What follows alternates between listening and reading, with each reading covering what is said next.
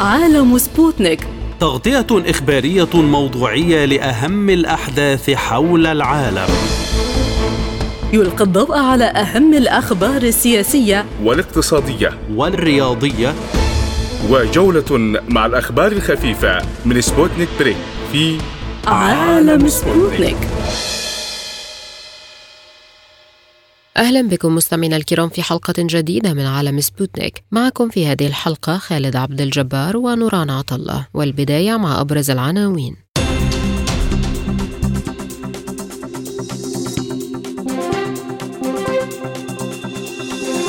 السفارة الروسية تعلن أن طريق استئناف ستارت يمر عبر تخلي واشنطن عن نهجها العدواني تجاه روسيا. الجيش السوداني يحاول السيطرة على معسكر حصين جنوب الخرطوم وواشنطن تهدد بتوقيع عقوبات على طرفي النزاع. الجيش اللبناني في حالة استنفار قصوى على حدود إسرائيل.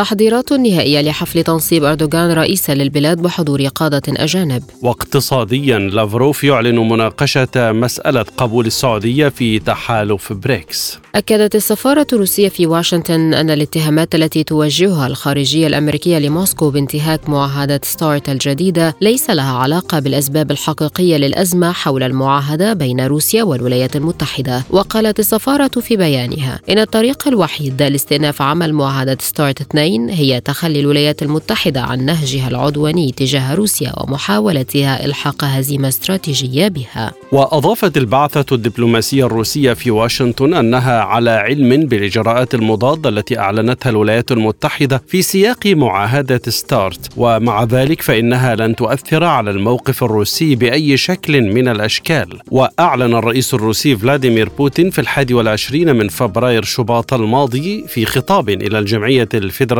أن روسيا تعلق مشاركتها في معاهدة خفض الأسلحة الاستراتيجية الروسية الأمريكية ستارت 3 مؤكدا أن روسيا لا تنسحب من المعاهدة لمزيد من التفاصيل معنا من دمشق الخبير العسكري والاستراتيجي تركي الحسن بعد تحية يعني كيف يمكن أن تتخلى واشنطن عن فكرتها العدائية تجاه روسيا؟ أنا في تقديري أن النزعة العدوانية الأمريكية لن تتخلى واشنطن عن هذه النزعة نهائيا لأن في ذهن الاستراتيجيين والقيادة الأمريكية حتى قيادة الناتو أن تحاصر روسيا وتسعى إلى تفكيكها والتمدد شرقا لحلف الأطلسي برغم الاتفاقات التي وقعت والتعهدات التي أعطيت. آنذاك للجانب الروسي يعني الاتحاد السوفيتي ثم الجانب الروسي الوريث بأن الاطلسي لن يتمدد حتى في دول حلف وارسو وقد فعلت في هذا الاتجاه حيث ضمت كل الدول تقريبا التي كانت سابقا في حلف وارسو والذروة الآن هي عبارة في السعي إلى ضم أوكرانيا. وأعتقد أن الحرب أو العملية الخاصة الروسية في أوكرانيا تؤكد ذلك بمعنى أن الولايات المتحدة والغرب كانوا يخططون لضرب روسيا والتأثير على أمنها القومي. وبالتالي أنا أعتقد أن هذه العقلية الغربية التي تسعى لتدمير الاتحاد الروسي لا تزال مستمرة وبالتالي تجاوزها لا يتم إلا من خلال أن تثبت روسيا في الميدان والعملية العسكرية هي من أجل ذلك. ما هو تأثير تعليق معاهدة ستارت على الأمن العالمي؟ هناك معاهدة تم توقيعها ستارت واحد في زمن الاتحاد السوفيتي في عام 1991 انقضت هذه المدة تم تجديدها في ستارت اثنين وأيضا هناك ستارت ثلاثة ثلاثة. إذا كانت الولايات المتحدة لم تلتزم مع الاتحاد السوفيتي سابقا وروسيا الاتحادية حاليا في أي من هذه المعاهدات وتسعى إلى تدميرها كيف يمكن أن يؤمن أو تؤمن روسيا الاتحادية أمنها القومي؟ وخاصة أنها الآن تقوم بنشر الأسلحة النووية التكتيكية في بيلاروسيا وهذا الأمر من أجل الحفاظ على أمنها القومي. والتجربة الآن في هذه الحرب في أوكرانيا يعني تؤشر أن الغرب مستعد لكل شيء من أجل تدمير روسيا. ما يدفع أن هذه الدمية زيلينسكي الذي يقوم حاليا بمهاجمة الأراضي الروسية ومهاجمة الكرملين تحديدا ومهاجمة موسكو لو زود بأسلحة مهما كان نوع هذه الأسلحة سيتم own استهداف المواقع والمؤسسات وروسيا الاتحادية، لذلك آه، عمليا الاتفاق الذي جرى في معاهدة ستار كان يتيح لروسيا الانسحاب منها لأنها في أثناء ذلك أصرت الولايات المتحدة على نشر نشر الدرع الصاروخي الصاروخي. وأصر آنذاك الجانب الروسي أنني أستطيع أن أنسحب من المعاهدة يعني أخذ لنفسه حق الانسحاب من المعاهده في أي وقت. يشاء. وبالتالي هذه المعادله لم تعد قائمة من حيث المبدأ إلا أنه لا تزال مفاعلها مستمرة بحيث آه، عدم استخدام السلاح النووي وبنفس الوقت الالتزام بمعدل الصواريخ النووية الموجودة في كل طرف بألا يزيد على ستة ألاف رئيس نووي. وأعتقد أن روسيا ملتزمة بهذا الموضوع من حيث المبدأ لأنها تحقق السلام النووي العالمي. ولكن إذا كانت روسيا مستهدفة في وحدتها وفي وجودها وتقسيمها والسيطرة عليها أعتقد أن هذا الأمر قاله الرئيس بوتين وهو مختلف المسؤولين في روسيا الاتحادية بأننا لن نقبل ذلك ولو أدى ذلك إلى صدام نووي. وأعتقد أنه عندما وضع يعني القوات الاستراتيجيه النوويه في طبعا مرحلة منها في حالة التأهب كان يقصد ذلك بمعنى آخر أنه رسالة إلى الغرب أن عليكم أن تأخذوا بعين الاعتبار أن هناك دولة عظمى نووية تستطيع أن توقف العدوان وبنفس الوقت تستطيع أن توقف تمدد الأطلسي الذي يسعى الغرب لمحاربة وحصار روسيا فيه. أنا في اعتقادي يعني هذه أيضا تتوافق مع سير التقدم أو سير الخط السياسي الذي تقوم به روسيا حتى الانسحاب سواء مع ستار وتجميد بعض المفاعيل وأيضا الانسحاب من آه القوى التقليدية في أوروبا لأن هذا الأمر كان لصالح أوروبا استطاعت أن أن تأخذ هذا الاتفاق يعني مع روسيا وبموجبها الحد من القدرات الدفاعية التشكيلات البرية وعدد القوى والدبابات التي آه، تتواجد في روسيا الاتحادية وفي الغرب. أعتقد أننا الآن أمام آه، ما جرى وخاصة العملية الروسية في أوكرانيا أن روسيا تحافظ على أمنها القومي في إجراءاتها الجديدة سواء بمعاهدة ستارت أو حتى في القوى التقليديه. هل الأزمة الأوكرانية لها علاقة قوية بعدم استمرار معاهدة ستارت لما تظهره واشنطن من عداء لروسيا؟ الأزمة الأوكرانية هي التطبيق العملي لهذه المعاهدات والغرب لم يلتزم باتفاقات مينسك واحد ومينسك اثنين التي تم التوقيع عليها بين روسيا وحتى أوكرانيا وألمانيا يعني والمقصود من ذلك آه، حتى المسؤولين الأوكرانيين يقولون لن ننفذ هذه الاتفاقيات، نعم هذا الأمر بالونة الاختبار للعلاقات بين روسيا الاتحادية كدولة عظمى وبنفس الوقت تسعى إلى تحقيق أمنها القومي وبين دول الناتو هي ما جرى في أوكرانيا وهذا ما جرى في أوكرانيا يؤكد أن روسيا كانت في الاتجاه الصحيح لأنها كانت تخشى من تمدد الناتو وضم أوكرانيا إليها وهذا الأمر سيؤثر على أمنها القومي. أعتقد أن انتشار الناتو في أوكرانيا سيضع موسكو خلال خمسة دقائق ستكون الصواريخ الغربية للناتو في المقرات الأساسية في موسكو في حين أن من بولندا ومن مناطق الأخرى يعني دول البلطيق آه، سيحتاج إلى حوالي ربع ساعة وهذا ما يمكن القيادة العسكرية والقوات الروسية والدفاع الاستراتيجي أن يصد هذه الصواريخ قبل وصولها إلى اهدافها. يحاول الجيش السوداني انتزاع السيطرة على أحد المعسكرات الضخمة جنوب الخرطوم التي تسيطر عليها قوات الدعم السريع. المعسكر هو معسكر طيبة ويحتوي على مجموعة كبيرة من المعسكرات وبه أنفاق تستخدم كمخازن للذخيرة. وتقول مصادر عسكرية إنه إذا سقط هذا المعسكر في يد الجيش تصبح مداخل العاصمة من اتجاه ولاية النيل الأبيض تحت يد الجيش بجانب تأمين مدخل أم درمان الجنوبي وتدور مع معارك عنيفة في محيط هذا المعسكر التي يسمع صداها السكان في الكثير من المناطق المتاخمة. وردا على انتهاكات القوات المسلحة السودانية وقوات الدعم السريع للالتزامات التي تعهدت بها في جدة أعلن وزير الخارجية الأمريكي فرض الولايات المتحدة قيودا على التأشيرات على أفراد محددين في السودان بمن فيهم مسؤولون من القوات المسلحة السودانية وقوات الدعم السريع وقادة من نظام عمر البشير السابق المسؤولين عن أو المتواطئين في تقويض التحول الديمقراطي في السودان. من الخرطوم ينضم إلينا العميد الصوارمي خالد سعد المتحدث السابق باسم الجيش السوداني سيرة العميد ما هي آخر تطورات الحرب في السودان كما ترصدها؟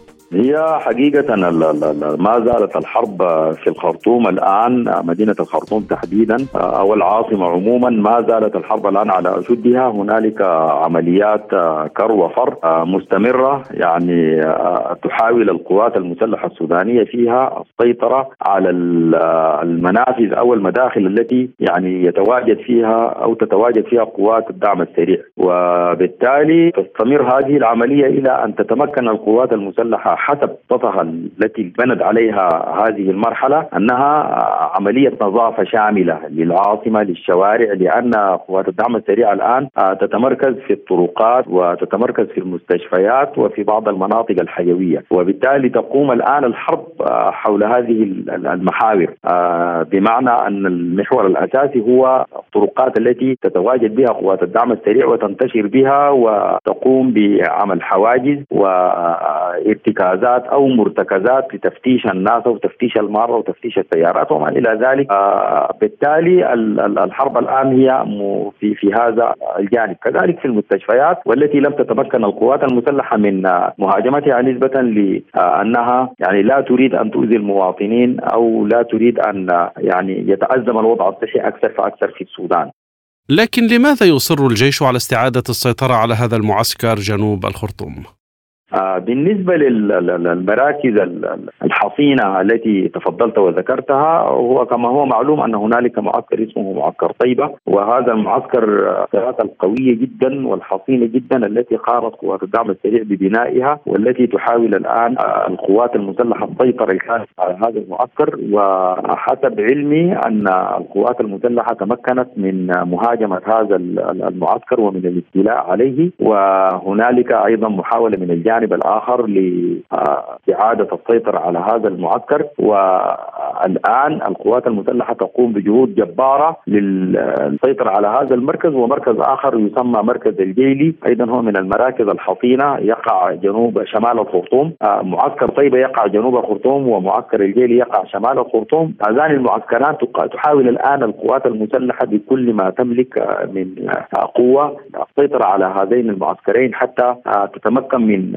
يعني تحييد آه، قوات الدعم السريع وإخراج من الأماكن الحصينة التي يعني تضع فيها إمكاناتها أو تموينها ودعوماتها المادية وإمدادها المالي إمدادها العسكري وكل العمل اللوجستي ينطلق من هذين المعسكرين الحصينين. كثيرون تحدثوا عن فقدان السيطرة والاتصال بين قيادة الدعم السريع ومكوناته في مدن السودان مما يؤثر على تنفيذ أي هدنة، ما مدى صحة ذلك؟ هذا الكلام صحيح بدليل بدلالة انسحاب القوات المسلحة آه، من مفاوضات جدة أو الحكومة من مفاوضات جدة مع الدعم السريع نسبة لأنهم آه، وجدوا أن المفاوضين أصلا لا سيطرة لهم على المحاربين. فبالتالي أصبحت المفاوضات لا طعم لها ولا رائحة ولا جدوى. آه، نسبة لأن الذين يفاوضون لا يملكون القرار على الأرض بدلالة أنهم اتفقوا على إخلاء المستشفيات من قوات الدعم السريع ولم تخلى آه، ولا حتى مستشفى واحد لم يخلى من من هؤلاء المقاتلين. وكذلك لم آه، تتمكن آه، يعني المجموعة المفاوضة من إخلاء قوات الدعم السريع كذلك من المناطق الحيوية ومن منازل المواطنين. في دلالة واضحة على انقطاعهم عن محاربيهم ومقاتليهم في الميدان. هنالك كذلك بعض الصراعات التي تجري الآن بين بين المحاربين والمح يعني بين القوات قوات الدعم السريع نفسها. هنالك معارك جرت على الأرض فيما بينها بمعنى أنهم يعني هنالك تضارب في القيادة. هذا يأتي برأي وقد يأتي هذا برأي آخر وما إلى ذلك. إذا لم تكن هنالك قيادة موحدة أكيد سوف يتصارع المحاربين المحاربين سوف يتصارعون. بالتالي الآن هنالك شكوك في أن الدعم السريع الآن ليس له قيادة موحدة. يمكن التواصل معها ويمكن أن يتفاوض معها الناس ويمكن أن تكون هنالك نتائج آه، يعني حاسمة. آه، على كل ما نراه الآن هو أنه يعني في تحليلي أنا الشخصي أنه إذا كانت هنالك قيادة موحدة فان الأمر سيكون سهلا وسيكون واضحا. ولكن الواضح لدينا الآن أنه آه، ليس هنالك تواصل وليس هنالك جدوى للتفاوض مع قوات ليس هنالك تواصل مع قيادتها. هل تحذير واشنطن الجديد وتوقيع عقوبات يمكن أن يسفر عن شيء برأيك؟ والله لا أعتقد أنه يمكن أن يسفر عن شيء بدلالة أنه يعني ما اول هي هذه العقوبات وعلى من توقع هذه العقوبات. آه، هنالك تمرد آه، من قوات داخل الجيش السوداني يحاول الجيش السوداني استعادة الوضع والسيطرة. فمن الذي يلام في في في في فيها يعني لماذا توقع العقوبة؟ على من توقع العقوبة؟ وحتى هذا الجانب الحارب الآن آه، كما تحدثت وأسلفت عن أنه التواصل معه الآن شبه منقطع أو منقطع حقيقة. فكيف تتعامل الولايات المتحدة مع طرف الآن؟ ليس هنالك تواصل حقيقي.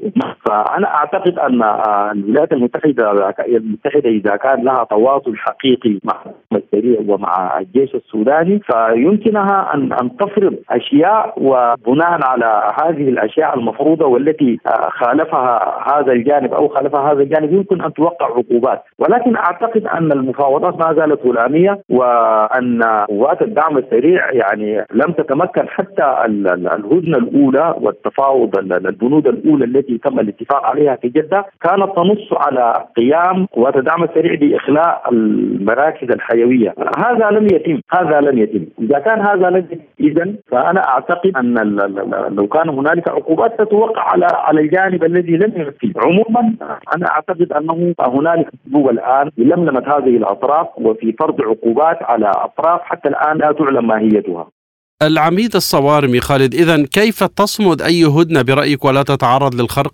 كسابقاتها؟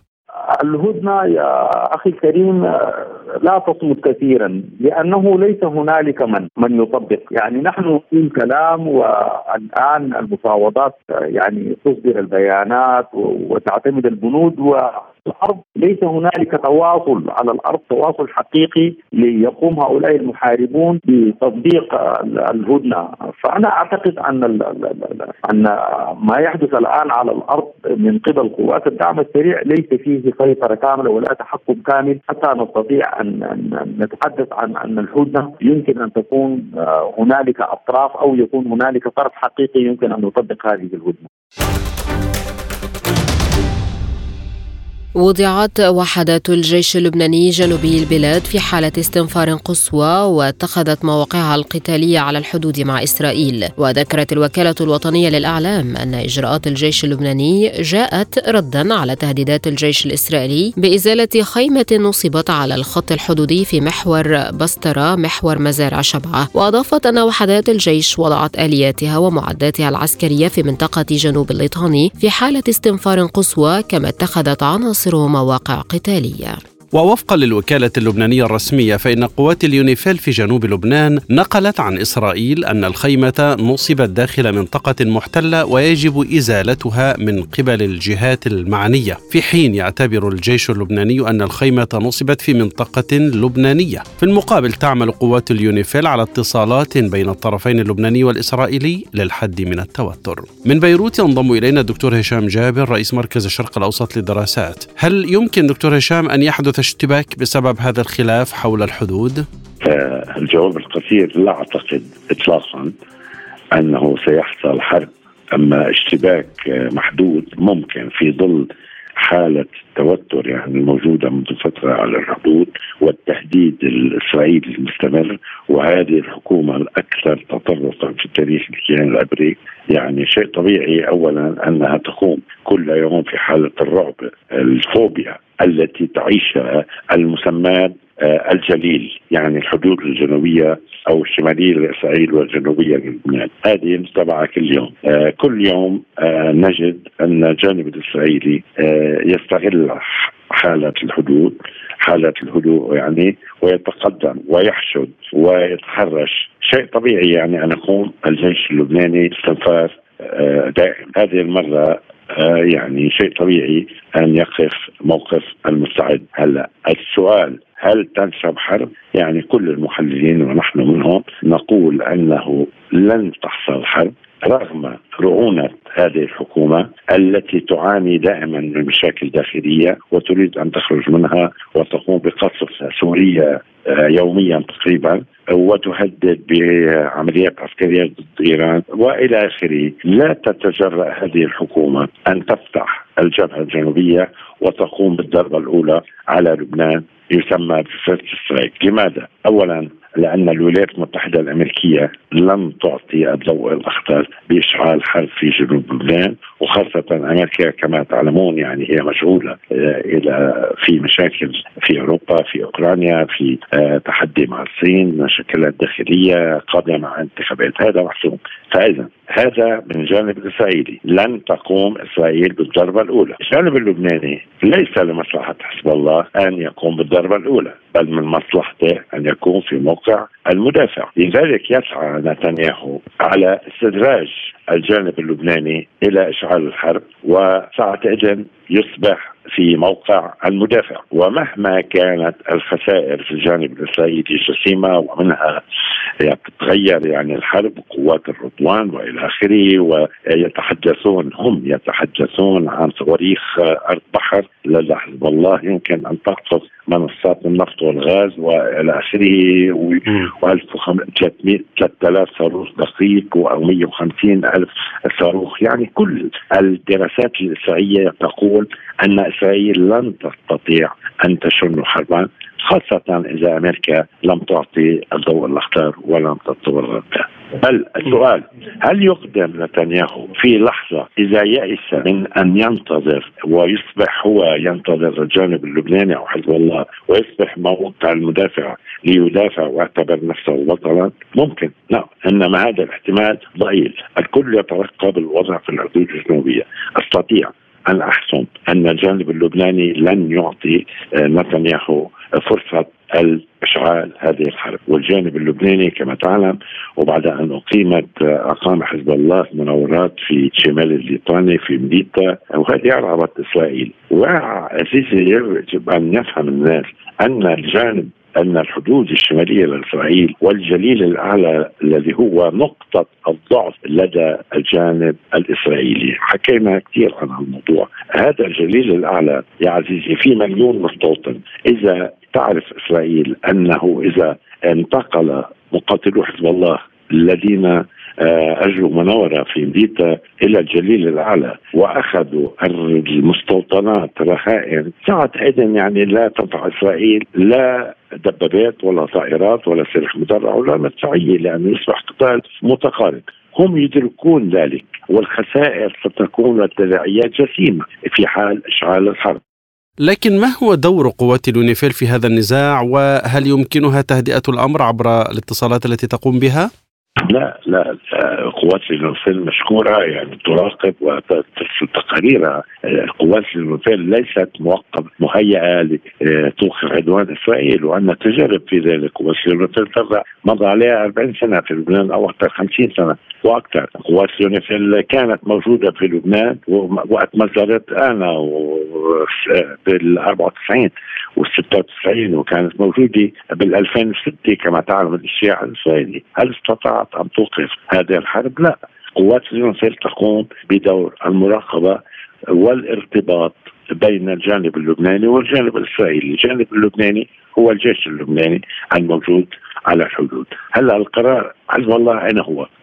حسب القرار 1701 لا يمكن لحزب الله أن يكون له وجود مسلح جنوب الليطاني وحتى هذه الساعة يعني من آه 2006 17 عاما لم تستطع قوات اليونيفيل أو حتى إسرائيل أن تثبت أن حزب الله موجود آه مسلح في جنوب الليطاني يعني يخرق القرار 1701 هو موجود فعلا موجود في كل قرية. أين هي الصواريخ؟ أين هي هذه القوات العسكرية؟ أعتقد أنها موجودة ولكنها غير مرئية وغير ظاهرة ولن يعطي حزب الله هذه الحجة لإسرائيل أن المقاومة خرقت القرار 1701 طيب أخيرا جنوب دكتور هشام جابر أعود معك إلى أصل المشكلة. لماذا ترفض إسرائيل أن يضع لبنان خيمة في هذا المكان رغم أن المنطقة كلها لبنانية وإسرائيل تحتلها؟ هذا موضوع تحاول إسرائيل دائما أن تستفز لبنان يعني وتتحرش بالجانب اللبناني. هناك فوبيا هناك توتر هناك تحرك على الحدود الإسرائيلية يعني كمان له غاية آه، صار رسائل داخل إسرائيل إنه هذا الذي نخشى منه نحن نتحرك نحن جاهزون ويجرون مناورات آه، ضخمة جدا. وفي نفس الوقت أيضا يعني في مناطق لبنانية هي مزار الشبعه وتلال فرشوبة إسرائيل تستطيع وتستمر تقصفها من وقت لآخر. أما فيما عدا ذلك لم لا تجرئ لم تجرؤ إسرائيل منذ حرب 2006 أن آه، تطلق صاروخا واحدا على جنوب لبنان باستثناء هذه المنطقة. هذا هو الواقع. تتجه الأنظار إلى تركيا ترقبا لحفل تنصيب الرئيس التركي المعاد انتخابه رجب طيب أردوغان بمشاركة قادة دول بحسب رئيس دائرة الاتصالات في إدارة رئاسة تركيا فخر الدين ألتون. وقال ألتون إن الرئيس أردوغان يؤدي السبت اليمين الدستورية تحت قبة البرلمان وسيزور ضريح أتاتورك مشيرا إلى مشاركة قادة أجانب في حفل التنصيب وسيكون هناك مائدة عشاء. وتوقع المسؤول التركي أن يقوم أردوغان بالإعلان في نهاية حفل التنصيب. التنصيب عن تشكيلة جديدة لمجلس الوزراء التركي وسيمثل الدولة الروسية في هذا الحفل رئيس مجلس الدوما فياتشيسلاف فولودين. ومن المعروف أن أردوغان حصل على 52.21% من الأصوات في الجولة الثانية من الانتخابات الرئاسية. من اسطنبول ينضم إلينا مصطفى أسكان المحلل السياسي. بعد التحية كيف ترى حفل تنصيب أردوغان رئيسا للبلاد بعد فوزه في الانتخابات بحضور قادة أجانب؟ نعم سيكون هناك مشاركة خاصة خاصة من بلدان آه، جمهورية تركيا. وأيضا من بلدان العربية أكثر رؤساء آه، تأتي إما من بلدان آه، ذات السكان التركية أو جمهورية تركيا كما كما يقال. وأيضا بعض الدول العربية مثل قطر إمير قطر تميم الثاني وأيضا تبون رئيس الجزائر ورئيس الصومالية. ربما آه، بعض الشخصيات الاخرى أيضا سيكون هناك مشاركة من الدول الغربية ولكن على مستوى الوزراء وزراء الخارجية، اذا يتوقع آه، من جانب تركيا أن يشارك في آه، تتويج الرئيس التركي في دورته الثالثة أكثر من 20 من قادة العالم خاصة دول آسيوية. وأيضا سيكون هناك مشاركات من البلدان الغربية ولكن كما ذكرت على مستوى بمستوى آه، ليس رؤساء ولكن آه، وزراء وزراء الخارجيه أكثر ما يشارك كيف يمكن النظر إلى فكر أردوغان في تشكيل حكومته الجديدة وخاصة بشأن الملف الاقتصادي؟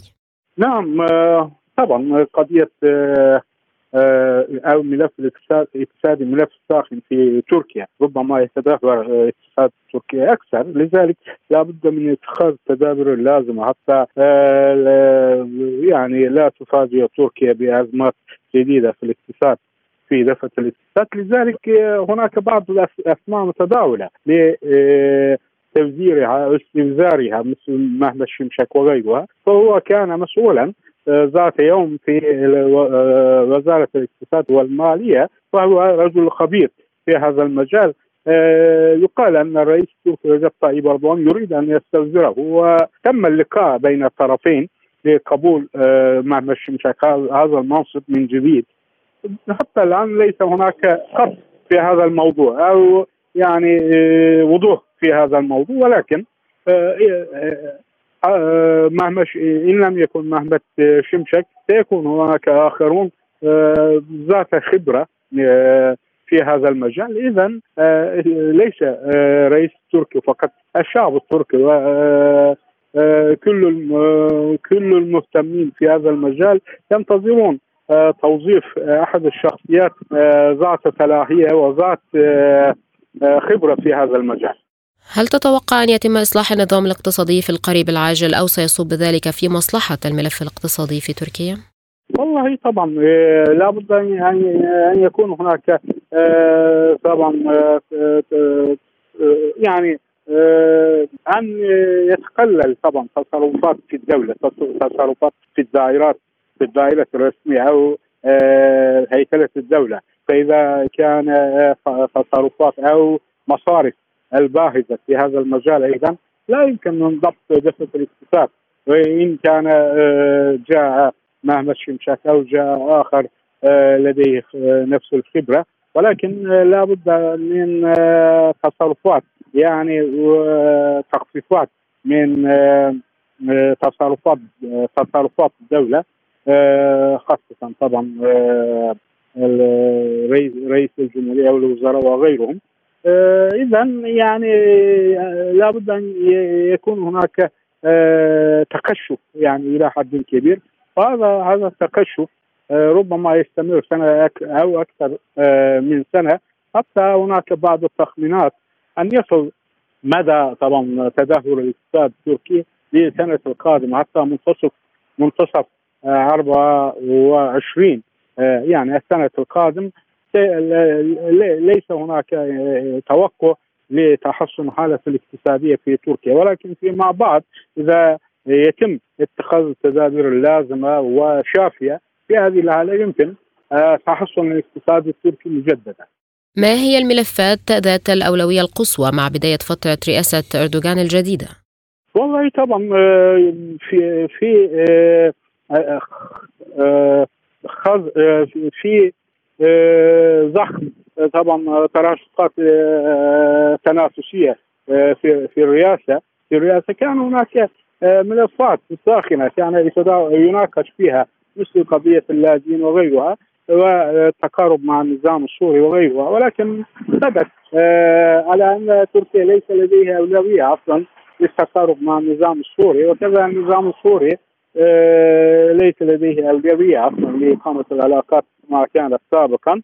وبالنسبة لملف اللاجئين اذا هناك توقف في فيما يتعلق بملف اللاجئين لأن يعني يعني القضية ليس مستعجلة ولو كانت مستعجلة ماذا تستطيع الحكومة الجديدة أن تفعل. وربما هناك أولوية أيضا للتقارب مع الدول الاوروبيه والولايات المتحدة الأمريكية وغيرها لأن حصل هناك سوء سوء العلاقات أو ساءت العلاقات بين الجانبين في في الأونة الأخيرة في السنوات الأخيرة بسبب الملف السوري وغيرها، هناك علاقات جيدة مع دول مثل روسيا والصين وغيرها، ولكن كما ذكرت ساءت العلاقات مع المجموعات الأوروبية والغربية، تريد الحكومة تحسن العلاقات أيضا مع أمريكا وغيرها حتى سيكون هناك اتصال. هاتفي واتصال بين رئيس تركيا رجب طيب اردوغان وبايدن لتحسين هذه العلاقات. ومع أوروبا أيضا. هناك بعض الاشتراطات مثل موافقة تركيا على انضمام طبعا السويد إلى حلف شمال الاطلسي تركيا توافق على ذلك.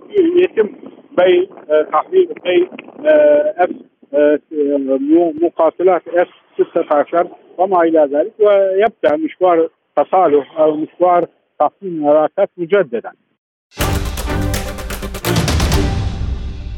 أعلن وزير الخارجية الروسي سيرجي لافروف أنه بالفعل تمت مناقشة مسألة قبول المملكة العربية السعودية في تحالف بريكس. وقال لافروف للصحفيين عقب اجتماع مجلس وزراء خارجية المجموعة إن وزراء الخارجية ناقشوا بالفعل مسألة قبول السعودية في المجموعة. وكان نائب وزير الخارجية الروسي سيرجي ريابكوف قد صرح في وقت سابق اليوم بأنه سوف تتم مناقشة قضية توسيع بريكس خلال الاجتماع الوزاري في كيب تاون. وأضاف ريابكوف هناك هناك العديد من المرشحين الأقوياء للانضمام إلى بريكس والمملكة العربية السعودية واحد منهم. وكان الرئيس الروسي فلاديمير بوتين قد أعلن سابقا أن روسيا ستواصل تطوير العلاقات مع المملكة العربية السعودية على المستويين الثنائي والمتعدد الأطراف مشيرا إلى أن موسكو تدعم انضمام الرياض إلى تحالف بريكس. ومجموعة بريكس تكتل يضم روسيا والصين والبرازيل وجنوب إفريقيا والهند تأسست عام 2006 وتهدف هذه المجموعة الدولية إلى زيادة العلاقات الاقتصادية فيما بينها بالعملات المحلية ما يقلل الاعتماد على الدولار. للمزيد معنا من بيروت دكتور بيير عزار خبير الشؤون الجيوسياسية والاقتصادية. بعد التحية دكتور بيير يعني كيف يمكن أن يؤثر انضمام السعودية لهذه المنظمة؟ بداية تحية لحضرتك ولكل المستمعين مما لا شك فيه.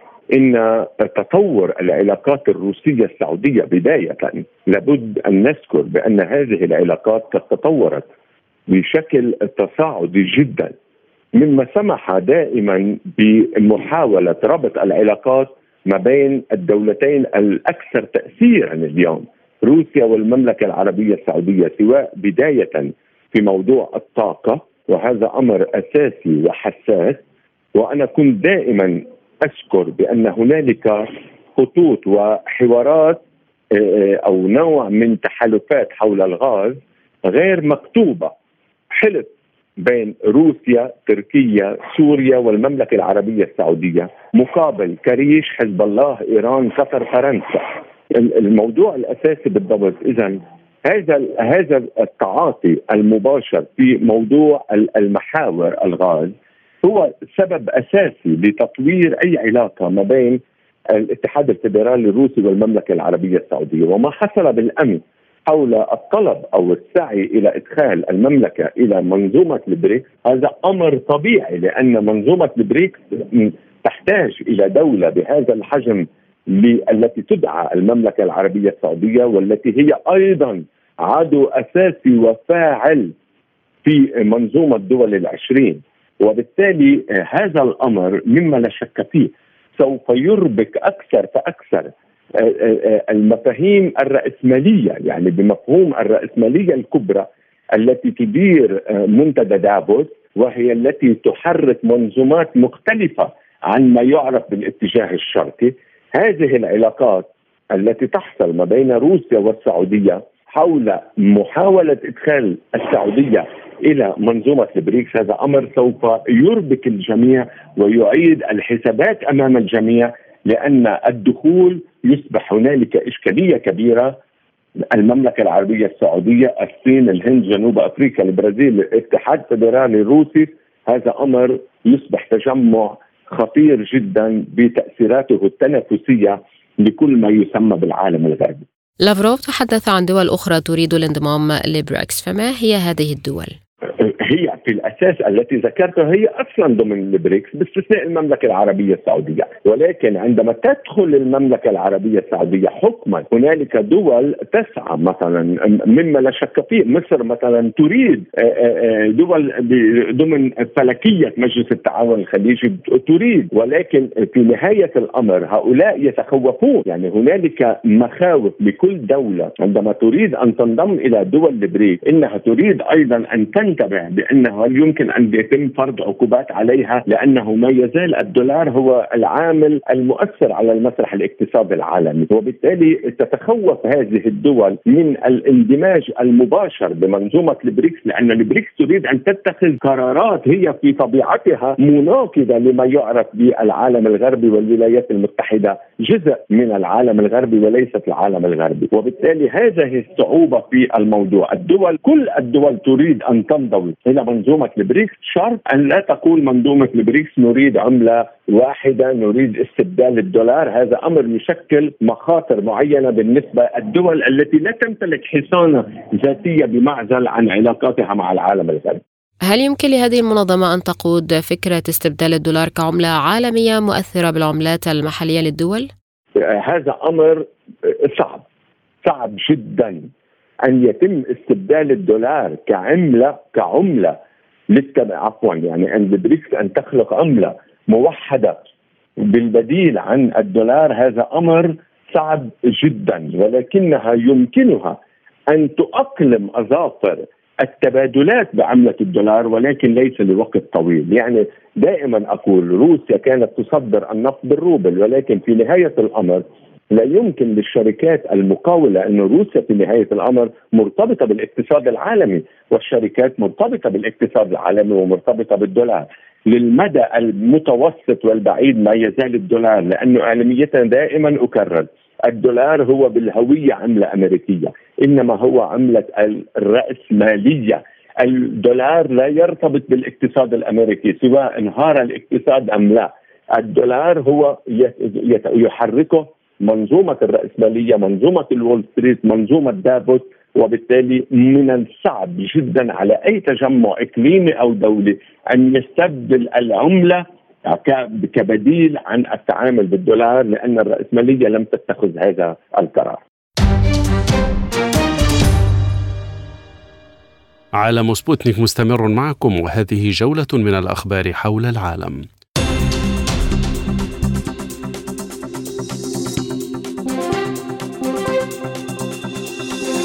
قال حاكم مقاطعة بيلغرود فياتشيسلاف جلادكوف إن القوات الأوكرانية قصفت عدة مناطق في بيلغرود مما أدى إلى مقتل وإصابة عدة أشخاص. وأوضح أن القوات الأوكرانية أطلقت القذائف على عدة مناطق في المقاطعة دفعة واحدة حيث أطلقت النار على جزء من الطريق في قرية ماسلوفا بريستان في مدينة شيبيكينو وأضاف أن شظايا القذائف أصابت عدة سيارات مدنية مما أدى إلى مقتل امرأتين في إحدى السيارات كما أصيب عدد آخر بسبب هذا الهجوم. وقال جلادكوف إن المدفعية الأوكرانية أطلقت 11 قذيفة على قرية تيشانكا في منطقة آه، فولوكونوفسكي. ولم تقع إصابات لكن خط أنابيب الغاز المركزي وخط الكهرباء قد تضررا. وكانت وزارة الدفاع الروسية قد أعلنت عن مقتل 50 من أصل 70 إرهابيا أوكرانيا خلال هجومهم على بلدة شيبيكينو في مقاطعة بيلغرود الروسية. عرضت وزارة الدفاع الروسية كيف يقوم خبراء الألغام الروس بإبطال مفعول الذخيرة على محور كوبيانسك وقام متخصصون من مجموعة القوات زباد الغرب بمسح المنطقة والعثور على مواد متفجرة. ويقوم خبراء المتفجرات بتحييد القذائف غير المتفجرة كما يزيلون حقل الألغام أيضا حيث يتم نقل جميع الأجسام المتفجرة إلى منطقة آمنة ويتم التخلص منها بالتفجير.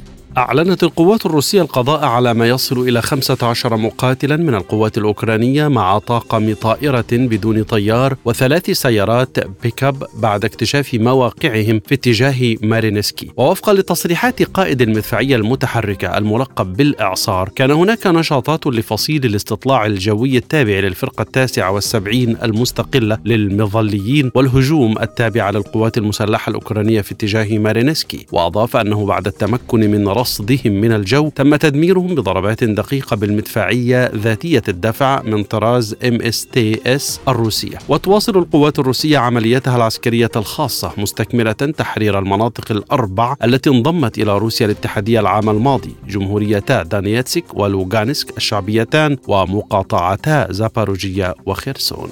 صوتت الغرفة السفلى في البرلمان السويسري ضد مشروع قانون يرمي إلى تشريع نقل أسلحة سويسرية الصنع إلى أوكرانيا. وجاء التصويت في البرلمان السويسري في اليوم الذي التقى فيه رئيس سويسرا ألان بيرسي نظيره الأوكراني فلاديمير زيلينسكي خلال قمة للمجموعة السياسية الأوروبية في مولدوفا باجتماع بحث خلاله الرجلان في تصدير أعتدة حربية. وصوت 98 من أعضاء المجلس الوطني في بيرن ضد المبادرة البرلمانية التي أعدتها إحدى اللجان فيما صوت 75 عضوا لصالحها. أيد وزراء خارجية دول مجموعة بريكس روسيا والصين والهند والبرازيل وجنوب إفريقيا في اجتماعهم في كيب تاون التسوية السلمية للنزاع في أوكرانيا والتنفيذ الكامل لاتفاق الحبوب. وجاء في بيان مشترك صدر عن اجتماع كيب تاون أن الوزراء أشادوا بمقترحات الوساطة التي تهدف إلى إيجاد حل سلمي للنزاع من خلال الحوار والدبلوماسية. وأضاف البيان أن الوزراء دعوا أيضا إلى التنفيذ الكامل والفعال لمبادرة البحر الأسود لتصدير الحبوب الحبوب مشددين على أهمية وصول الحبوب والأسمدة للمحتاجين.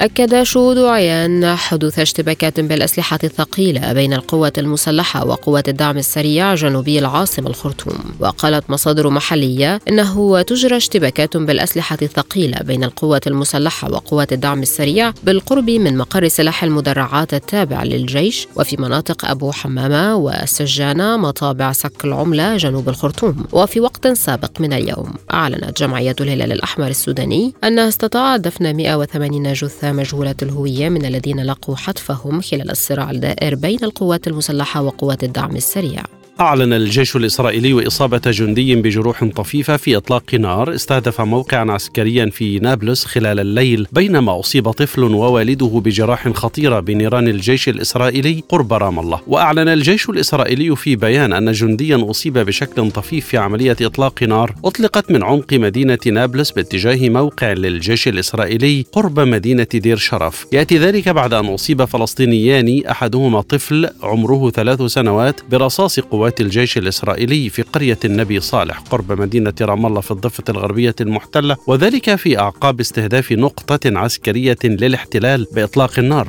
وأفادت طواقم طبية إسرائيلية بأنها قدمت الإسعافات الأولية للطفل ذي الثلاث سنوات وهو بحالة حرجة وشخص في الأربعينيات من عمره حالته خطيرة. وذكرت أن مروحية في طريقها إلى الموقع لنقل المصابين لاستكمال العلاج في المستشفى. يعقد مجلس الأمن اجتماعا بشأن محاولة كوريا الشمالية الفاشلة لوضع قمر صناعي عسكري استطلاعي جديد في المدار وفقا لبرنامج عمل المجلس. وقال رئيس مجلس الأمن التابع للأمم المتحدة إنه تم طلب اجتماع لمجلس الأمن التابع للأمم المتحدة في ضوء محاولة كوريا الشمالية الأخيرة لإطلاق قمر صناعي عسكري استطلاعي. ويوم الأربعاء أطلقت بيونغ يانغ بشكل فاشل قمرا صناعيا عسكريا للاستطلاع المثبت على صاروخ شوليما واحد وبعد فصل المرحلة الأولى فشل محرك المرحلة الثانية في الإشعال مما تسبب في فقدان الصاروخ للدفع وسقوطه في بحر الصين الشرقي وفقا لما ذكرته وكالة فضاء الكورية الشمالية. شهدت العاصمة السنغالية دكار أعمال عنف بعد أن حكمت محكمة جنائية على المعارض السنغالي عثمان سونكو المرشح لانتخابات الرئاسة في 2024 بالسجن عامين بتهمة إفساد الشباب وبرأته من اتهامات بالاغتصاب موجهة إليه. وقال وزير الداخلية السنغالي للتلفزيون الرسمي إن تسعة أشخاص لقوا حتفهم في اضطرابات بالبلاد بعد اندلاع احتجاجات على خلفية الحكم بالسجن على زعيم المعارضة عثمان سونكو. ويؤكد يؤكد سونكو الذي لم يحضر المحاكمة ولجأ إلى جنوب البلاد يؤكد براءته ويعتبر هذه القضية مؤامرة دبرها الرئيس الذي ينفي ذلك. الآن مستمعين إليكم تذكرة بأهم العناوين. السفارة الروسية تعلن أن طريق استئناف ستارت يمر عبر تخلي واشنطن عن نهجها العدواني تجاه روسيا. الجيش السوداني يحاول السيطرة على معسكر حصين جنوب الخرطوم وواشنطن تهدد بتوقيع عقوبات على طرفي النزاع. الجيش اللبناني في حالة استنفار قصوى على حدود إسرائيل. تحضيرات نهائية لحفل تنصيب أردوغان رئيسا للبلاد بحضور قادة أجانب. واقتصاديا لافروف يعلن مناقشة مسألة قبول السعودية في تحالف بريكس. الآن إليكم مجموعة من الأخبار الاقتصادية.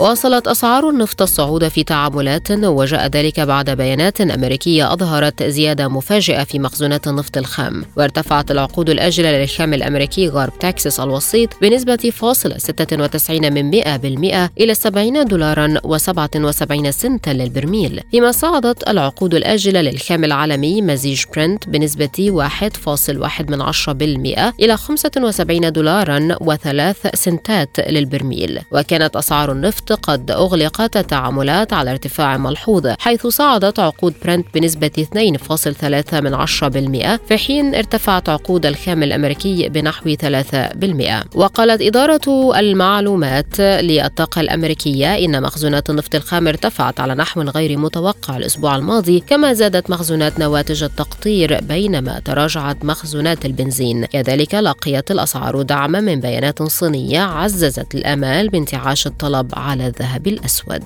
أقر مجلس الشيوخ الأمريكي اتفاق تعليق سقف الدين مجنبا الولايات المتحدة التخلف عن سداد ديونها فيما اعتبر الرئيس جو بايدن أن الخطوة انتصار كبير للاقتصاد الأمريكي. وأرسل المجلس مشروع القانون إلى الرئيس للمصادقة عليه وتحويله إلى قانون وصوت 63 عضوا على مشروع القانون بالموافقة بينما رفضه 36 وهو ما يعكس دعما من الحزبين لمشروع القانون. ويمنح تصويت المجلس على القرار بسرعة الاقتصاد الأمريكي عدة أيام إضافية قبيل الموعد النهائي لنفاذ وزارة الخزانة الأمريكية من الأموال في الخامس من يونيو. ومرر مجلس النواب مشروع القانون الأربعاء بعد مفاوضات طويلة وشاقة بين الإدارة الأمريكية ورئيس مجلس النواب كيفن ماكارثي وفريقه. وتتجنب الولايات المتحدة بذلك خطر التخلف عن سداد ديونها في خطوة كانت ستؤدي إلى آثار كارثية على الاقتصادين الأمريكي والعالمي. انتعشت الأسهم الصينية على نحو كبير إذ ساعد التفاؤل بأن الاحتياطي الفيدرالي سيوقف رفع أسعار الفائدة مؤقتا في يونيو على عودة الرغبة في المخاطرة لدى المستثمرين. وارتفع مؤشر هانغ سينغ تشاينا انتربرايزز بنسبة 4.3 من 10% وهو أكبر ارتفاع في ثلاثة أشهر بقيادة شركات العقارات والتكنولوجيا. مؤشر هانغ سينغ تك الذي يضم أسهم شركات أغلبها تستفيد عادة من انخفاض معدل الفائدة في الولايات المتحدة أضاف ما يصل إلى 4.9% تراجعت واردات اليابان من الغاز الطبيعي المسال خلال الشهر الماضي إلى أدنى مستوى لها منذ أكثر من عشرين عاما بعدما أدت الجهود المبذولة لتوفير استهلاك الطاقة وزيادة إنتاج محطات الطاقة النووية إلى تقليل الحاجة للوقود الأحفوري. وتقلصت عمليات التسليم إلى حوالي أربعة ملايين طن في مايو بانخفاض بلغ نحو 30% عن مستويات الشهر ذاته من العام الماضي مسجلة بذلك أدنى مستوى لها منذ عام 2002 وذلك وفقا لبيان بيانات تتبع السفن والبيانات الحكومية. وتبدو مخزونات الغاز في اليابان عند مستويات جيدة أيضا إلى حد دفع بعض المستوردين خلال الشهر الماضي لعرض بيع شحناتهم.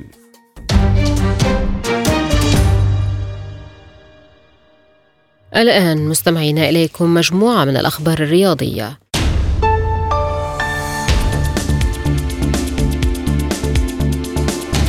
قالت صحيفة ماركا الإسبانية إن الفرنسي كريم بنزيما مهاجم ريال مدريد قرر بشكل قاطع الاستمرار مع الفريق الإسباني الموسم المقبل. وأكدت ماركا أن بنزيما يفضل الاستمرار والرحيل عن الفريق من الباب الكبير مشيرة إلى تقدير اللاعب للعرض السعودي وامتنانه للمسؤولين بالمملكة العربية السعودية. وينتهي عقد بنزيما مع الريال بنهاية الموسم الحالي ولم يجدد النجم البالغ عمره 35 عاما عقده مع النادي حتى الآن. وارتبط بنزيما بالانتقال إلى الدوري السعودي وأشارت تقارير متعددة خلال الأيام القليلة الماضية إلى أنه لن يجدد عقده مع الفريق الملكي وسينضم إلى دوري روشن بعد تلقيه عرضا مغريا من نادي الاتحاد بطل المسابقة. لكن المهاجم الفرنسي لمح في وقت سابق إلى أنه قد يبقى مع ريال لتستمر رحلته التي بدأت عام 2007 فتح الاتحاد الأوروبي لكرة القدم يويفا تحقيقا مع الحكم الدولي البولندي سيمون مارشينياك بعد مشاركته في مظاهرة لليمين المتطرف في بولندا ضد سياسات بلاده. تعارض كذلك أفكار الاتحاد الأوروبي السياسي والرياضي وذلك قبل نحو عشرة أيام فقط من قيادته لمباراة نهائي دوري أبطال أوروبا بين مانشستر سيتي وإنتر ميلان على ملعب أتاتورك في مدينة إسطنبول التركية. وتم تصوير فيديو للحكم الذي اختير لإدارة نهائي دوري أبطال أوروبا 2023 وهو يلقي خطابا خلال المظاهرة المذكورة في مجازفة كبيرة من جانبه بمستقبله المهني كحكم ساحة رئيسي في منافسات دوري أبطال أوروبا وتصفيات ونهائيات كأسي العالم وأمم أوروبا خلال الموسم الحالي ومواسم قادمة. ووصل سيمون مارشينياك إلى قمة النجومية في عالم كرة القدم بعدما حصل على شرف إدارة المباراة النهائية لكأس العالم 2022 في قطر بين منتخب منتخبي فرنسا والأرجنتين.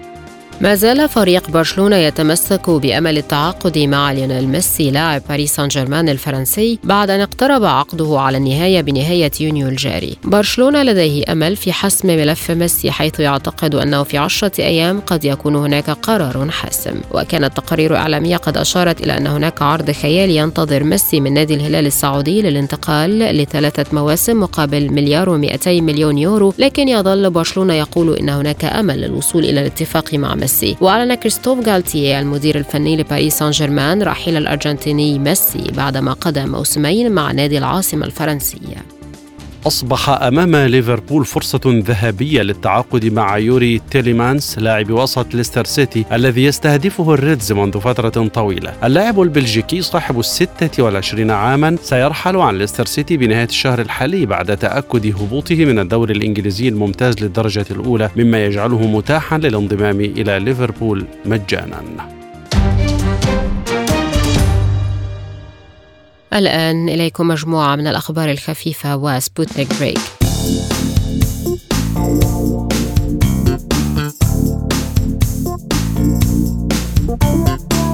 طور علماء جامعة سارتوفا الروسية تقنية غير جراحية لتقييم حالة الحاجز الدموي الدماغي لدى البشر. ووفقا للعلماء تعتمد الطريقة على تتبع نشاط الأوعية الليمفاوية في الدماغ بواسطة تخطيط كهربائي للدماغ.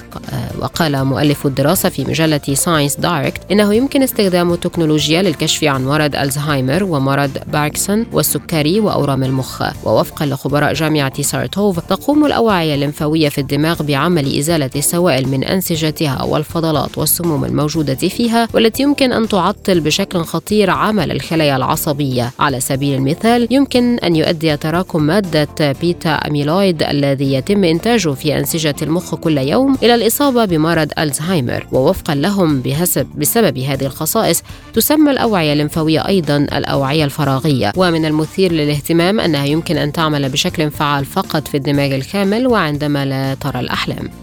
قال الخبير دينيس كوليكوف إن الصناعة النووية الروسية تتوقع بدء الإنتاج التجاري لمحطات الطاقة النووية الصغيرة بقوة 10 ميجاوات بمفاعلات شيلف ام اعتبارا من 2032 وأضاف كوليكوف الذي يشغل منصب كبير مصممي مفاعلات المحطات الذرية قليلة القوة في معهد تقنيات الطاقة نيكي أنه في العام المقبل سيتم إنجاز التصميم التقني للمفاعلات والمعدات الرئيسية بوحدة الطاقة. وأشار إلى أن الاستثمار الاستثمار الصناعي لأولى محطة على قاعدة مفاعلات شيلف إم يجب أن يبدأ في عام 2030 وبعد ذلك ومع حلول عام 2032 سيبدأ تشغيل واستثمار مفاعلات أخرى من هذا النوع. ونوه بأن الهدف الرئيسي من استثمار هذا النوع من المحطات الصغيرة هو توفير الطاقة الكهربائية والتدفئة للمناطق البعيدة.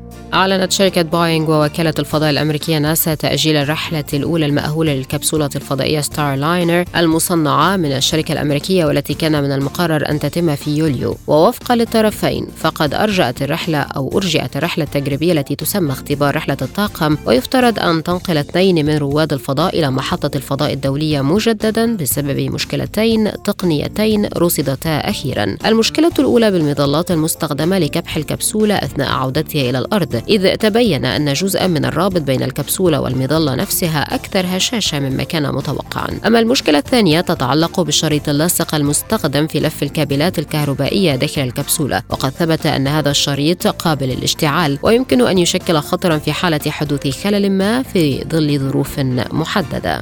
كشفت دراسة جديدة أن كوكب الأرض لديه قمر جديد أو على الأقل ما يسمى بشبه قمر وتم رصد شبه القمر الذي يحمل اسم FW 13 2023 من قبل خبراء باستخدام تلسكوب بان ستارز في الجزء العلوي من بركان هاليكالا في هاواي وهو واحد ضمن عدد قليل من أشباه الأقمار المعروفة. ويعتقد الخبراء أن شبه القمر الجديد كان في محيط الأرض منذ 100 سنة قبل الميلاد وسيستمر في الدوران الدوران حول الكوكب لمدة 1500 عام أخرى على الأقل حتى 300 و700 بعد الميلاد وفقا لموقع لايف ساينس العلمي. وشبه القمر هو صخرة فضائية تدور حول الأرض لكنها مرتبطة جاذبيا بالشمس. وتم منح الصخرة لقب شبه بسبب ارتباطها جاذبيا بالشمس بدلا من الأرض. يشار إلى أن اكتشاف شبه القمر FW13 ليس أمرا مستحدثا إذ سبق أن تم رصد شبه قمر آخر يدعى كامولاويا في عام 2016 وفي ذلك الوقت كان يعتقد أنه أصغر وأقرب قمر صناعي معروف. في الختام إليكم تذكرة بأهم ما جاء في عالم سبوتنيك هذا اليوم. السفارة الروسية تعلن أن طريق استئناف ستارت يمر عبر تخلي واشنطن عن نهجها العدواني تجاه روسيا. الجيش السوداني يحاول السيطرة على معسكر حصين جنوب الخرطوم وواشنطن تهدد بتوقيع عقوبات على طرفي النزاع. الجيش اللبناني في حالة استنفار قصوى على حدود إسرائيل. تحضيرات نهائية لحفل تنصيب أردوغان رئيسا للبلاد بحضور قادة أجانب. اقتصاديا لافروف يعلن مناقشة مسألة قبول السعودية في تحالف بريكس. ورياضيا ماركا الإسبانية تؤكد بقاء كريم بنزيما في ريال مدريد الموسم القادم. للمزيد زوروا موقعنا عبر الإنترنت سبوتنيك إلى اللقاء.